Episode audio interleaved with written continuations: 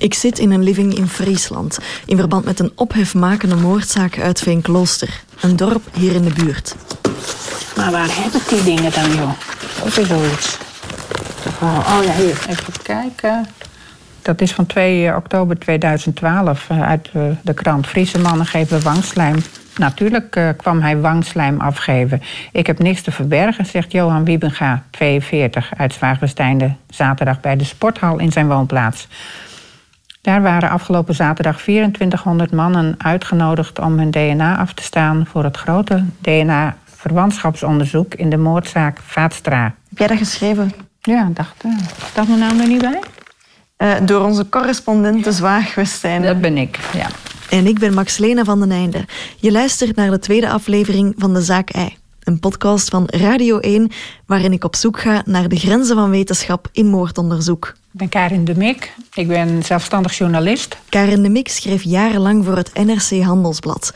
En er was één onderwerp waar ze zich 15 jaar lang in vastbeet. Nou, ik denk dat iedereen in, in, in Nederland wel de naam Marianne Vaatstra kent. Het gaat effectief over een andere moordzaak dan de zaak die in de vorige aflevering aan bod kwam, namelijk de moord op Ingrid Kakaert. Maar om die zaak op te kunnen lossen, moeten we gaan spieken bij onze Noorderburen.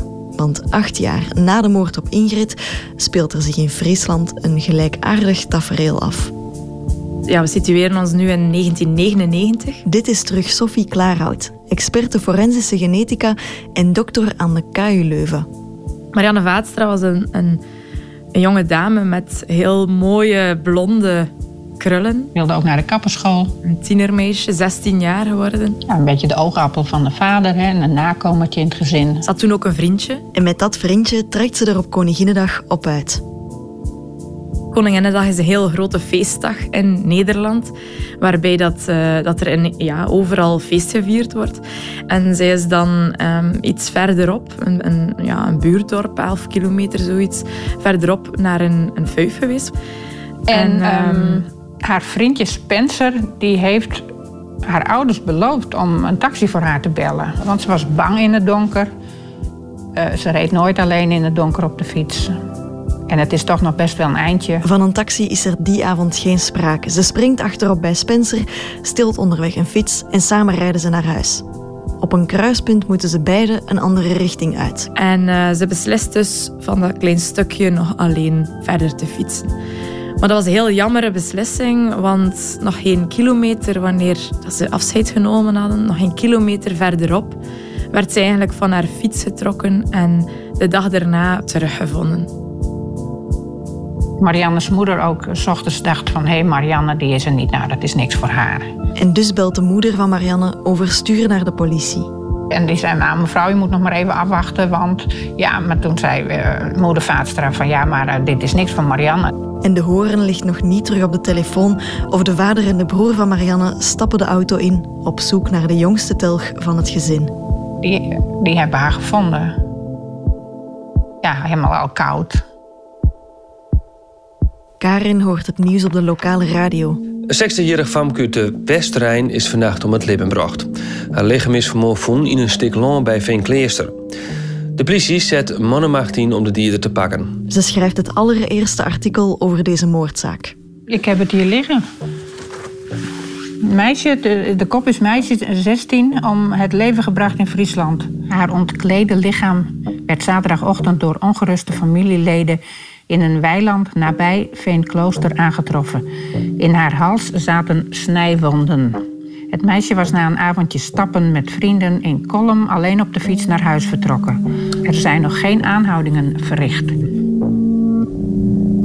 Na dit artikel volgen er nog tientallen, want Karen de Mix schrijft 15 jaar lang over deze zaak.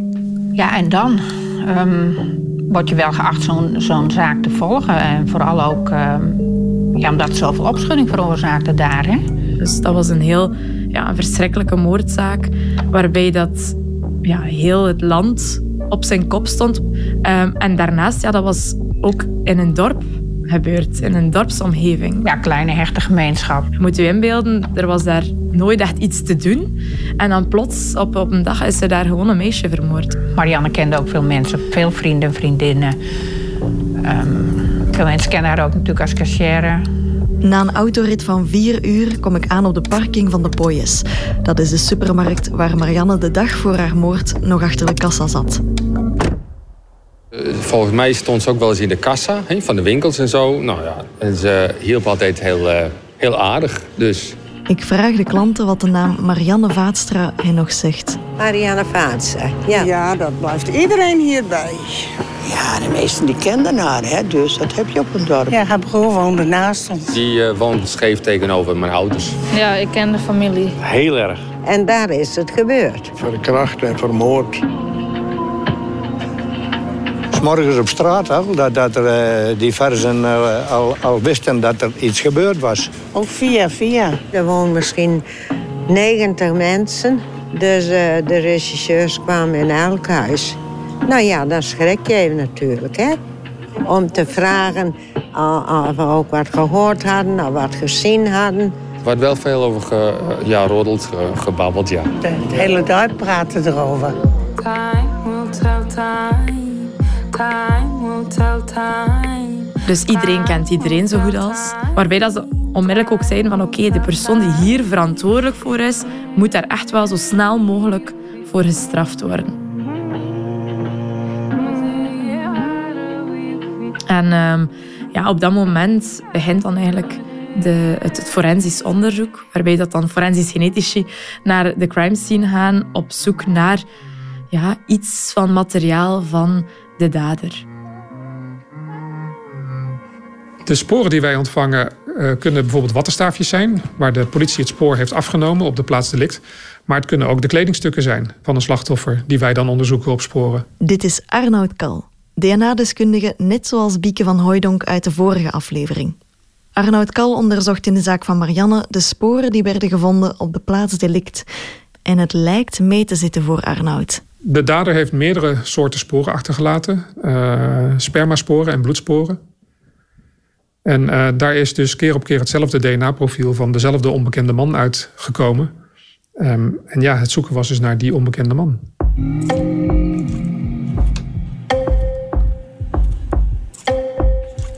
Het is nog steeds mei 1999 wanneer DNA duidelijk maakt dat alle sporen van één en dezelfde man afkomstig zijn. Hallo. Um, ik heb een afspraak met Peter de Knijf. Ik dacht, ik kom er halen. Hallo. Hi, kom. Ga je mee? 1999. Dat is ook het jaar waarin België haar eerste DNA-wetgeving kreeg. We liepen, zoals gewoonlijk, wat achter op onze noorderburen.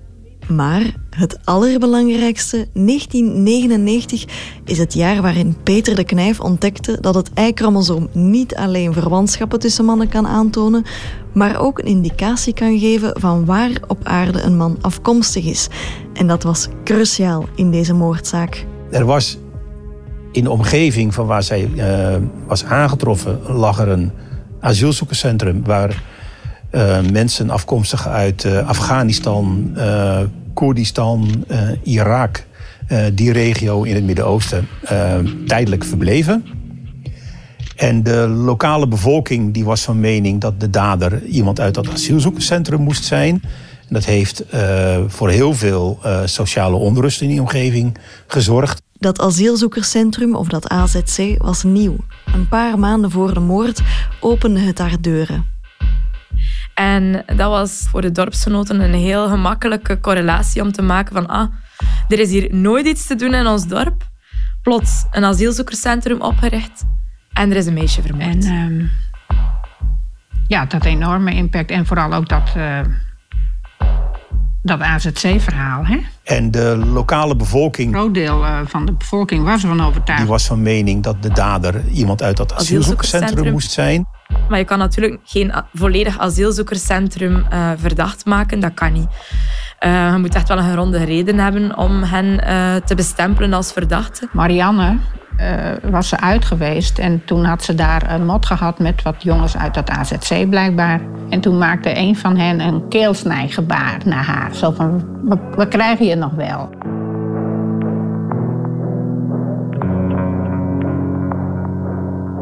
Ja, ik ben er dus heen gegaan naar het uh, AZC um, en heb daar toch met wat mensen kunnen spreken. En um, Ja, en Koert die zei, buitenlanders doen zoiets niet. Voor ons liggen stapels en stapels papieren op tafel, waaronder ook een klein notitieboekje waar Karin de gesprekken in neerkrabbelde. Die aantekeningen heb ik uh, gevonden. Ze kijken niet aardig naar ons. Hij kwam uit Sarajevo, Bosnië. Acht maanden was hij daar. Ik ga elke dag naar die supermarkt, uh, uh, ga ik dingen kopen, maar iedereen, bijna iedereen kijkt naar mij, zei hij. Ik voel haat, terwijl ik niks verkeerds heb gedaan. We feel terrible, zei iemand anders weer. Ook door de, de moord, maar ook uh, door de bejegening. Een andere man die zei ook um, in een Mahmoud. Mahmoud heeft zijn naam nog opgeschreven. De meeste mensen zijn hier bang, voornamelijk de vrouwen.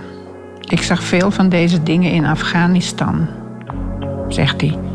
En daar heb ik een stuk van geschreven voor het NRC. Een jaar lang schrijft Karen de Mik artikels en onderzoekt het rechercheteam piste na piste. Maar dat stuit eigenlijk telkens opnieuw op een muur. Tot in 2000. Uh, wij zijn uh, in de loop van 2000 bij de Marianne Vaatstra-zaak betrokken. Doordat na een jaar onderzoek door de lokale politie ze nog steeds geen idee hadden wie de dader was. En dus klopt de officier van justitie aan bij onderzoeker Peter de Knijf. De vraag was vrij simpel. Uh, kunt u met dat eichromosoombewijs een aanwijzing krijgen waar die verdachte vandaan zou kunnen komen? En uh, zonder dat zij uh, nou precies snapte wat wij aan het doen waren, dachten ze van nou, als dat werkt, dan zouden we dat moeten doen. Dus ik heb een uitgebreid gesprek met die officier van justitie gehad. En uh, toen heb ik besloten om het te gaan proberen.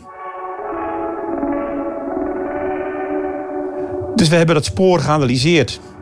En toen kwamen wij er al snel achter dat het op grond van de informatie die we toen hadden, waarschijnlijk niet iemand zou kunnen zijn die in het asielzoekerscentrum zou kunnen zitten.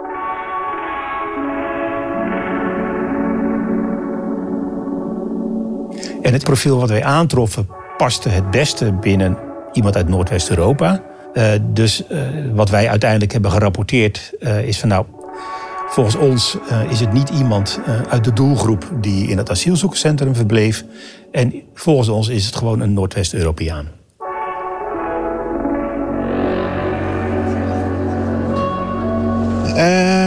ja, nee, dat herinner ik me zeker wel. Ja, dat was op zich was dat, was dat groot nieuws. Heel onverwacht, dat verwachten we niet. Maar wat we ook niet verwachten is dat dat onderzoek helemaal niet gedaan had mogen worden.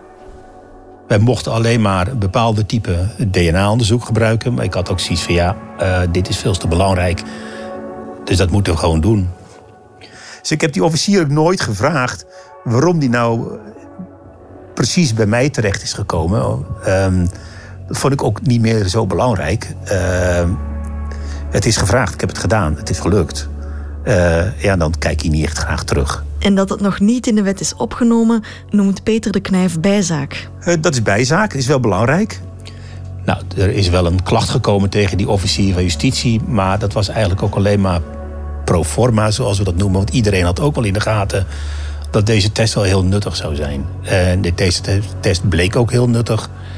Uh, is ook gebruikt, ook gepubliceerd als zijnde van nou, het is niet iemand uit het asielzoekerscentrum. Het is echt gewoon een Noordwest-Europeaan.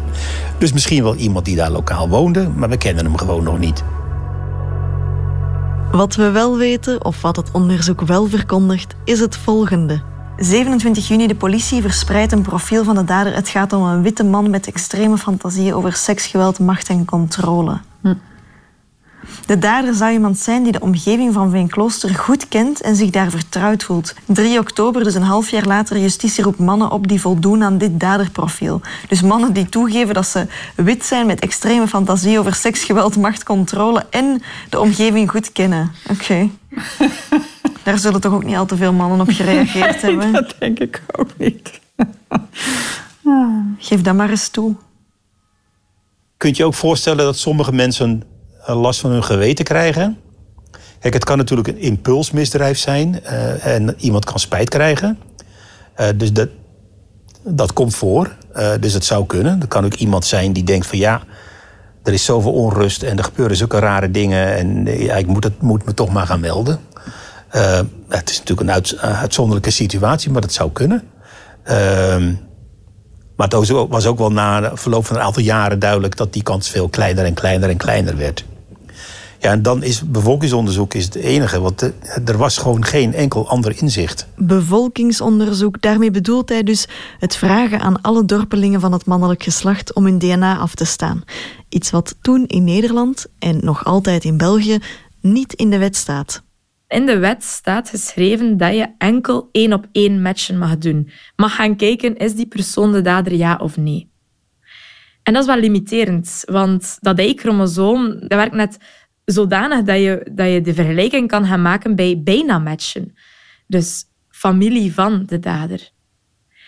Dus moesten ze ook daar gaan pleiten om die wet te gaan veranderen. En daarvoor schakelt de familie van Marianne Vaatstra misdaadverslaggever Peter R. de Vries in. Hij had de kracht om iets heel complex op een heldere manier uit te leggen, zodanig dat het brede publiek echt wel begreep hoe dat de wetenschap in elkaar zat. En hij had de drive om een gezicht te plakken aan die techniek. Hij zet zijn schouders onder deze zaak en doet er alles aan om deze techniek op te laten nemen in de wet. Onder andere door aan te kloppen bij het Openbaar Ministerie. Het belangrijkste argument, eh, meneer De Vries, uh, om niet mee te werken aan dit uh, grootschalige onderzoek, dat is een principieel punt. Beaamt u dat het zo is dat u willens en wetens een hele grote kans laat lopen om de moord op te lossen door dat grote bevolkingsonderzoek niet te doen, wetende dat dat in het buitenland bij diverse zaken tot groot succes heeft geleid? En het OM zei maar van ja, nou ja, het kan wettelijk niet en uh, het is principieel onjuist. En dan, uh, ik begreep toen al niet zo goed waarom ze het niet wilden. Maar goed, ja. Ook achter de schermen wordt alles op alles gezet om klaar te staan in het geval dat de wet wijzigt. Bijvoorbeeld bij het Nederlands Forensisch Instituut of het NFI. Ik heb ook met forensisch expert Arnoud Kal gesproken van het Nederlands Forensisch Instituut. En als Belg denk ik altijd, goh, die Nederlanders zijn zo rap in hun wetten wijzen. Of, of, in mijn hoofd, allez, in mijn ogen, dat ging heel snel. Maar ook daar, dus dat is echt vier jaar onderzoek, of ja, vier jaar pleiten geweest. Ja, het, maken van nieuwe DNA-wetgeving is een heel langdurig uh, en zorgvuldig proces. Uh, daar moet goed over nagedacht worden door, door de, de beleidsmakers, door de mensen die, uh, die de wetten schrijven, um, maar ook door de maatschappij. het moet wel een middel zijn wat door de maatschappij omarmd wordt en geaccepteerd wordt. Eh, om het, veilig te kunnen, kunnen toepassen. Daar houdt een team van politieagenten en communicatiedeskundigen zich fulltime mee bezig. Ze trekken de straat op om na te gaan welke bezwaren mensen hebben en wat hun bezorgdheden zijn. Om ze weg te werken, maar ook om die bezwaren op te nemen in het praktisch kader. Maar hoe geëngageerd ze de mensen in Friesland ook krijgen, uiteindelijk staat of valt alles met politieke toestemming. Wat Peter de Knijf intussen doet? Niets. Ander onderzoek doen. Gewoon wachten. Hoe is dat voor u als wetenschapper? Ja, dat is lastig, maar het is een fact of life. Dat is, uh, op sommige ontwikkelingen hebben we vijf of zes jaar moeten wachten. Maar ja, dat werkt nou eenmaal zo. Ik ga wel boos om worden, maar ja, daar kan ik niks aan doen.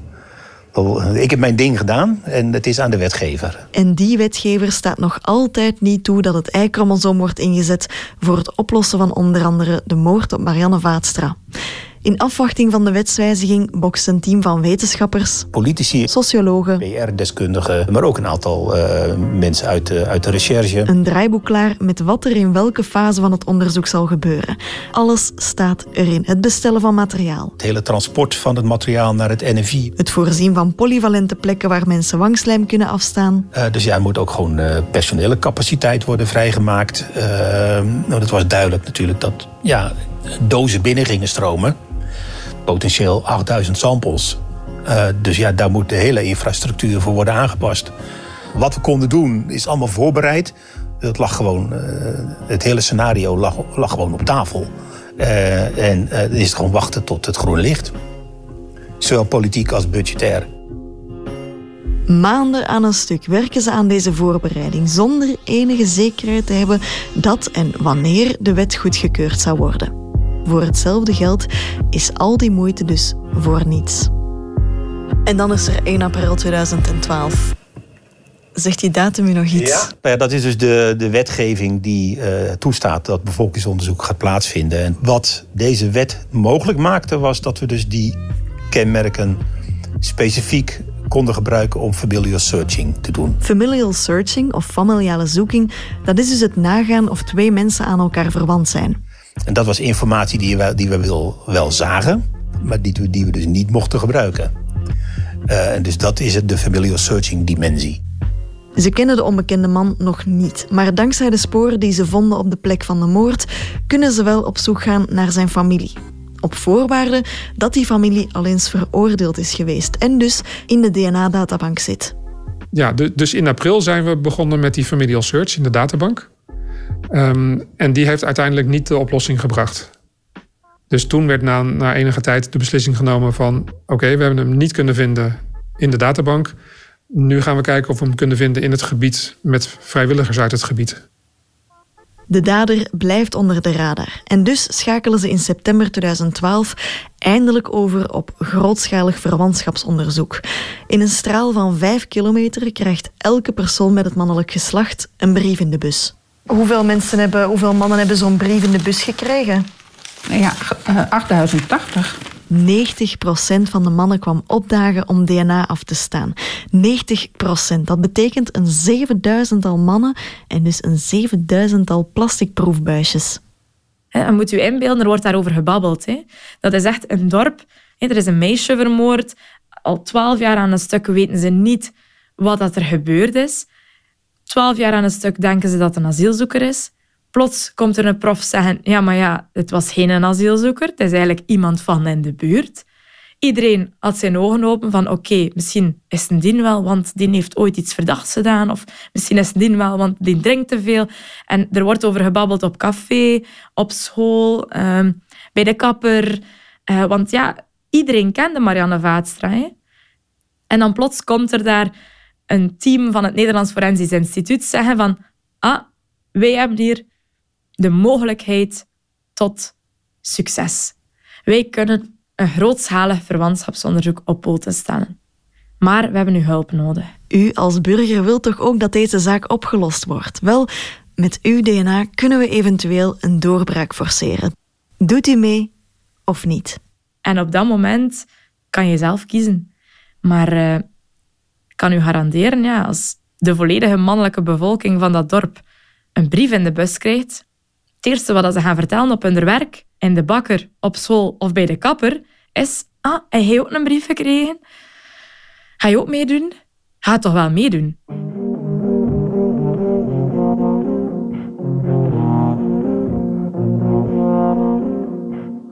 Ja, ja, wij kregen allemaal een uh, oproep. Uh, ja, ja. ja, klopt. Hebt u dan ook meegedaan aan het DNA-onderzoek? Ja, ja. Dus een, uh, bepaalde doelgroep moest mee, tenminste een uh, leeftijdsgroep. En daar hebben we aan meegewerkt. Volgens mij bij het, eh, bij het zwembad De Frosk, daar, daar in de buurt. Ja. ja, bij een sporthal volgens mij. In de sporthal volgens mij. Bij het stembureau. Alleen uh, geen stembiljet uh, afgeven, maar dan het, het speeksel afgeven. Ja, dat ging eigenlijk heel vlot. We stonden in een rij en, en allemaal verschillende hokjes. Je had een papier, die kon je invullen wie je was. En dan konden ze heel snel... Uh, wat speeksel afnemen, hè? Het, het wangslijm af, afnemen. Ja, ja. Zo, dat was het eigenlijk. En daardoor is uiteindelijk ook nog de dader gevonden. En wat bleek heel dichtbij. Heel dichtbij. Oké, ze hebben de dader dus kunnen vinden dankzij dat onderzoek. Maar hoe hebben ze dat gedaan? De stalen van de 7000 mannen werden dus één voor één afgenomen en per 81, negen rijen van negen proefbuisjes, in vierkante dozen naar het labo gebracht, waar Arnoud Kal en zijn team de stalen analyseerden. Nou, het, was wel ontzettend spannend, want uh, het was heel erg groot. Het ging om hele grote aantallen. Uh, het was natuurlijk een, uh, ja, een hele bijzondere zaak waar heel veel aandacht naar uitging. Dus ja, het was wel spannend om te doen. En wat gebeurt er? De eerste doos met uh, referentiematerialen van vrijwilligers, die bij ons werd onderzocht, gaf twee matches op het eigen Op het eigen profiel. Dus een profiel wat we in al die jaren daarvoor nooit hadden gezien. In, in honderdduizenden uh, profielen in verschillende databanken nooit hadden gezien. Vind je twee keer in de eerste doos uit dat gebied.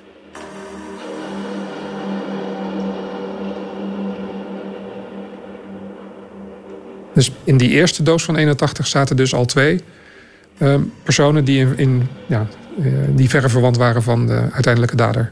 alles wat we bedacht hadden, uh, alles lijkt, lijkt te kloppen. Er zit familie van deze persoon in dat gebied. Alleen die twee waren het niet, dat waren verre verwanten. Uh, maar gaf wel heel veel ja, redenen om te denken van ja, we, we zitten goed. Wat ze dan hebben gedaan is interessant.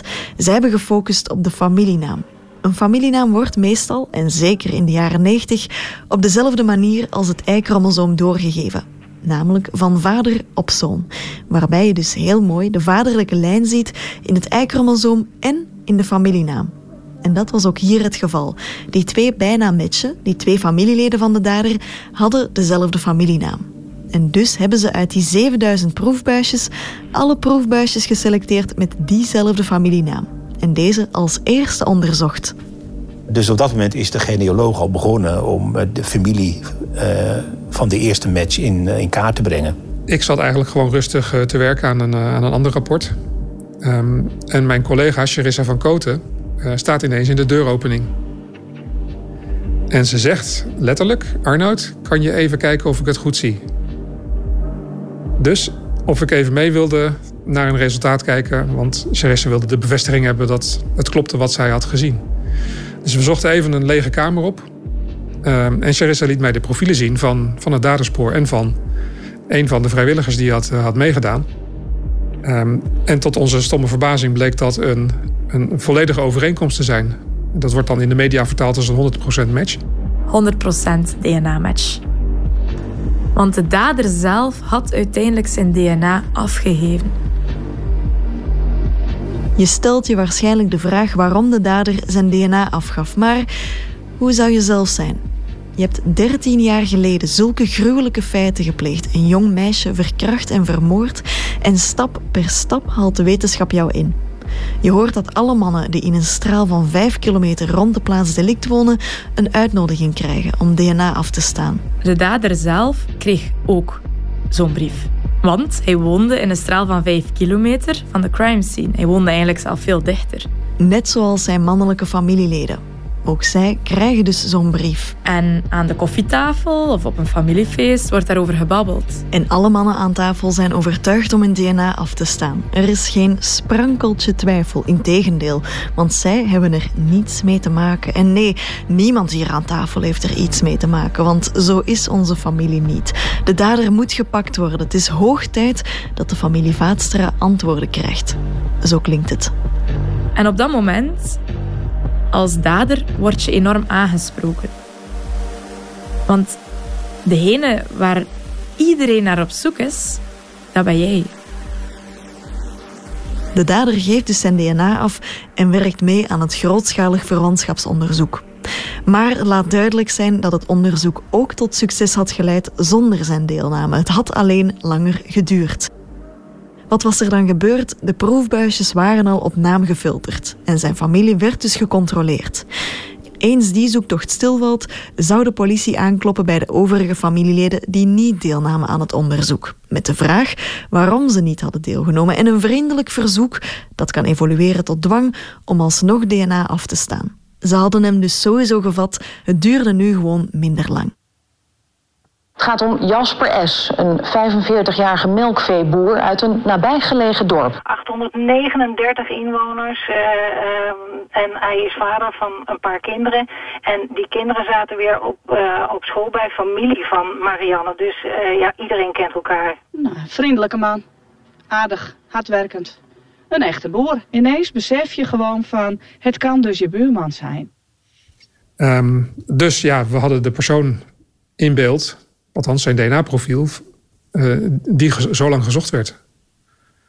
Ja, dan, dan heb je even de koude rilling over je rug. Dat is wel een heel bijzonder moment. Ja. In zekere zin is dat natuurlijk een overwinning. Dat is goed nieuws. Er is een einde aan een zoektocht. Tegelijkertijd veronderstel ik dat je geen fles kan opentrekken en het glas kan heffen op het feit dat het, dat het zover is. Nee, op dat moment moet je dat ja, heel stilletjes in jezelf vieren.